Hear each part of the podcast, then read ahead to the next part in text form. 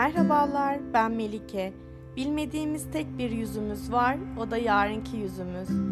Yarınki Yüzün Podcast serisine hoş geldiniz. Merhabalar, nasılsınız? Bir pazar gününde sizlere merhaba demek istedim. Duyusal deneyimlerle başlamak istiyorum öncelikle. Bizler üzerinden yıllar da geçse bu deneyimlerimizi unutamıyoruz. Bir kokuyu, bir ses tonunu, bir müziğin bize ne anlattığını veya ne hatırlattığını, bir mekanda biriyle oturduğumuzda yaşadığımız ya da hissettiğimiz o duyguyu. Her birimizin geçmişteki anılarını, ilişkilerini ve deneyimlerini derinlemesine hissetmemize sebebiyet veren bir koku, bir ses, bir ezgi mutlaka vardır. Kokular, müzik ve ses tonları insanların yaşamındaki özel anları ve ilişkileri hatırlamalarına yardımcı olur. Duyusal zenginlik ya da duygusal zenginlik mi demeliyiz buna bilmiyorum. Kokular dedik, müzik dedik, ses tonları dedik. Geçmişteki anıları canlandırarak bir kişinin duygusal dünyasını zenginleştirir. Kişinin hayatındaki önemli anılara dokunur. Bazen belki de hatırlamak istemeyeceği şeyleri hatırlatır. İnsanlar belirli bir kokuyu, müziği veya sevdikleri birinin ses tonu ile ilişkilendirilmiş anıları unutamazlar. Bu deneyimler, duygu ve hatıra dolu anlar bellekte derin izler bırakır. Bu duyusal deneyimler yani aslında yaşamın renkleri, dokusu, derinliğini oluşturan unsurlardır. Bu nedenle bizler genellikle bu duyular aracılığıyla yaşadığımız anıları daha uzun süre hatırlarız. Podcast'in adı Arta Kalan Zamanda. Arya, her insanın içindeki ötekinin en egoist dostudur. İnsanın yarattığı kendi en üst halinin sesidir. Arya müziğin en kıskanç halidir diye yazan Ertuğrul Özkök'ün hayatına yön veren 15 Arya'nın yer aldığı bir albüm Arta Kalan Zamanda. Arya sonsuzluğun müziğidir. Hayatın da bizzat kendisi der bu albümde. Bu çalan müzik nedir? Hayatınızın bir döneminde hiçbir müzik hayatınızı kurtardı mı? Ya da kalbinizdeki duyguların ne olduğunu ortaya çıkardı mı? İçinizde bir yerlerde birini öldürdü mü? Ya da duyduğunuzda birini hatırlattı mı? O kalp sızısını hatırlıyor musunuz? Ya da aslında hiç mi unutmadınız? Albümün adı Arta Kalan Zamanda dedik. Arta kalan zamanda ifadesi bir süreç, olay, dönemin geriye kalma kısmını ifade eder. Ama belli ki biz bunu hala konuşuyorsak pek de geride bırakamamışız demek ki. O zaman gelin şöyle tanımlayalım. Geçmişte yaşadığımız bir olayı, süreci sona erdirmişiz ancak olayın veya sürecin devam eden etkilerini hala hissediyoruz. Aslında bu böyle bir dönemi temsil ediyor. Bu süre zarfında her şey değişmeye devam ediyor. Yaşanan deneyimlerin izleri kalmış, bitmemiş ama geride bırakıldığı bir zaman dilimi de var. Sessiz zamanın saatleri, saatleri ayarlama zamanı. Saati kaça mı? Sadece kendimize. Yani içimizdeki üçüncü şahsa. O saniye onun saati kaçı gösteriyorsa işte tam ona. Arya ile 1974 yılında Paris'te Visconti'nin Venedik'te ölüm filmine girmek için kuyrukta beklerken plakçıdan gelen sesle tanışan ve Mahler'in Ölmüş Çocuklar şarkısıyla Arya'yı keşfeden Özkök, dilinden düşürmediği Aryaların kendi yüreğinden çıkan hikayelerini de albümün kitapçığına yazdı. Özgök'ün yazıları görme engeller için Kenan Işık tarafından seslendirildi.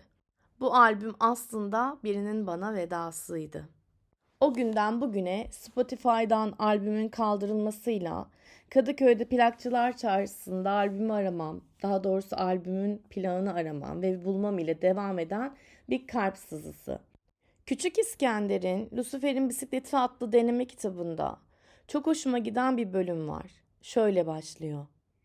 Tek bir cinayet işlememiş bir seri katilim. İnsanın içindeki kötülük ancak bu kadar güzel anlatılabilir. O küçücük denemenin sonuna da iki dize eklemiş. Ben bir tabanca hayaliyim ama içimdeki kurşun gerçek. Atıl kalmamış, eyleme geçmemiş bir kötülük de kötülüktür. Hep şöyle düşündüm. İnsanın doğasında kötülük varsa manevi detokslara ihtiyacımız var demektir. İnsan kendini ne kadar kötü hissederse arınma duygusu da o kadar kuvvetli oluyor. Yaşım ilerledikçe bu tür iç seyahatlere daha çok çıkarılıyorum. Acaba ölüm korkusundan, ölümün yaklaşmasından mı? Sanmıyorum. Çünkü ölüm bana yaklaştıkça sabrım da artıyor. İnsanı hayata bağlayan en büyük çelişki de işte bu. Eğer hayat bir bilançoysa bunun denk gelmesi gerekmez mi? Bunun altın dengesi nedir? Bir pazar yazımda bunu şöyle anlatmıştım. Bu fani dünyada cennete gidecek kadar sevabım var ama cehenneme gidecek kadar da günah işlemişim. Öyleyse mekanım cehennet yani araf. Öteki dünyaya geçerken inanmış bir insanın bilançosu başka türlü olabilir mi? Bununla övünebilirsiniz de, dövünebilirsiniz de. Sabat Mater'i dinlerken de hep bu bilançoyu düşünürüm. Ben yarın öbür gün Allah'ın huzuruna bu bilançoyla çıkabilirsem eğer övünecek kullardan olacağım. Tabii işlediğim günahların türü de önemli. Hırsızlık derseniz bende yok. Cimrilik, oburluk, cinayet. Haksızlık da yok. Geriye ne kalıyor? Ne kalıyorsa biraz ondan, biraz bundan var diyebilirsiniz ama samimi, sahici olalım. Kimde yok? Peki ya yalancılık diyorsanız? Ondan da biraz var. Yüzde 99'u beyaz olanından. Turgut Uyar neyi değiştirir arzuların yerli yerinde olması? Kalkmak iyidir, taşmak iyidir, akarsu iyidir. Bazen gidebilmek iyidir der. Neyi değiştirir bilmiyorum. Belki de değiştirmeye çalıştığımız her şey aslında içimizdeki arzuların yerli yerinde olmasına dair bir çabadır. Tekrarlıyorum. Belki de değiştirmeye çalıştığımız her şey aslında içimizdeki arzuların yerli yerinde olmasına dair bir çabadır. Tıpkı bir pusula gibi. Arzularımız bize doğru yolu gösterir. Yerli yerinde olduklarında içsel bir denge ve huzur sağlarlar. Kalkmak, hayatımızda karşımıza çıkan zorluklarla başa çıkmanın, mücadele etmenin ve ayakta durmanın bir sembolüdür. Ayakta durduğumuzda yaşamın getirdiği iniş çıkışlara rağmen dimdik durmak, güçlü olmak, kendi değerlerimiz için durmaktır. Taşmak, sınırları zorlamak, potansiyelimizi keşfetmek ve en üst düzeye çıkarmak demektir. Bu kendimize meydan okuyarak ileriye adım atmaktır. Akarsu sürekli değişim ve akışın simgesidir. Akış halinde olmak, hayatta olup bitenlere uyum sağlamak, öğrenmek ve gelişmek anlamına gelir. Bazen gidebilmek, rutinden çıkabilmek, farklı yerlere gitmek ve yeni deneyimlere açık olmak demektir. Hayatın monotonluğundan kaçarak içsel bir keşif ve özgürlük anlamına gelir. Belki de Turgut Uyar bu ifadelerle hayatın kendisi üzerine düşündürmeye çalışmıştır bizi. Arzularımızın yerinde olması, içsel bir denge ve huzurun anahtarı olabilir. Kalkmak, taşmak, akarsu gibi öğeler hayatı anlandırmamıza ve zenginleştirmemize yardımcı olabilir. Bazen gidebilmek ise bilinmezliklere açık olmamızı, yeni deneyimlere yelken, açmamızı sağlar. Yaşamın karmaşıklığını, güzelliklerini ve meydan okumalarını anlamaya yönelik bir rehber gibi görünmüyor mu?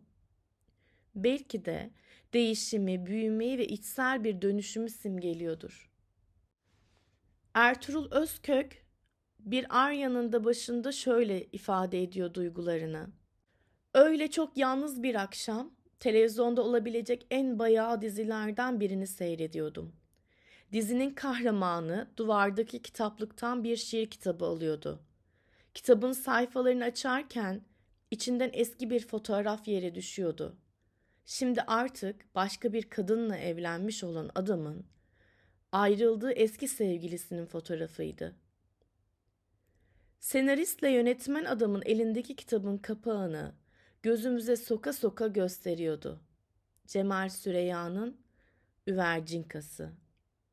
Bizim kuşağımızın her mensubunun kütüphanesinde mutlaka bir üvercinka vardır. Ve o kitabı her elimize aldığımızda içinden mutlaka birkaç hatıra düşer. Kiminden bir fotoğraf, kiminden görünmez bir şeyler. Benim üvercinkamın içerisindense o şiirin kendisi düşer. Ama nasıl oluyor sen yüreğimi eller ellemez. Sevişmek bir kere daha yürürlüğe giriyor. Bütün kara parçalarında. Afrika dahil. Böylece bizi bir kere daha tutup kurşuna diziyorlar. Zaten bizi her gün sabahtan akşama kadar kurşuna diziyorlar. Bütün kara parçalarında. Afrika dahil. Kim bilir hangi yolculukta, kim bilir kaybettiğim kaçıncı Moleskine defterlerimin birine, şimdi nerede okuduğumu, yoksa kendim mi uydurduğumu tamamen unuttuğum bir diyaloğu yazmıştım. Galiba kadınla erkek ayrılıyordu. Erkek ona şunu yazıyordu. Afrika'ya gidiyorum. İki zürafa vuracağım. Biri senin için, biri benim için.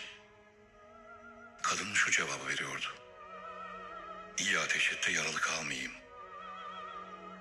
Erkeğin cevabı şu oluyordu.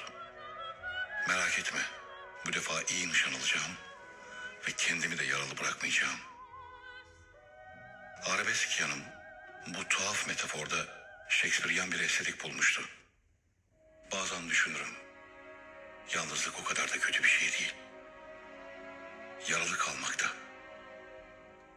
İnsanın her şeyden ruhunda bir yara izi kalmalı. Hafıza bir yaralar arşividir. Bu tatu koleksiyonudur. Leo Delip beni öldürememiş yaraların hasta bakıcısıdır. Hayatta kendimden bıktığım, sıkıldığım anlar oldu. Ama Delip'ten asla. Ne o bana ihanet etti, ne ben ona. Ne o beni ihmal etti, ne ben onu.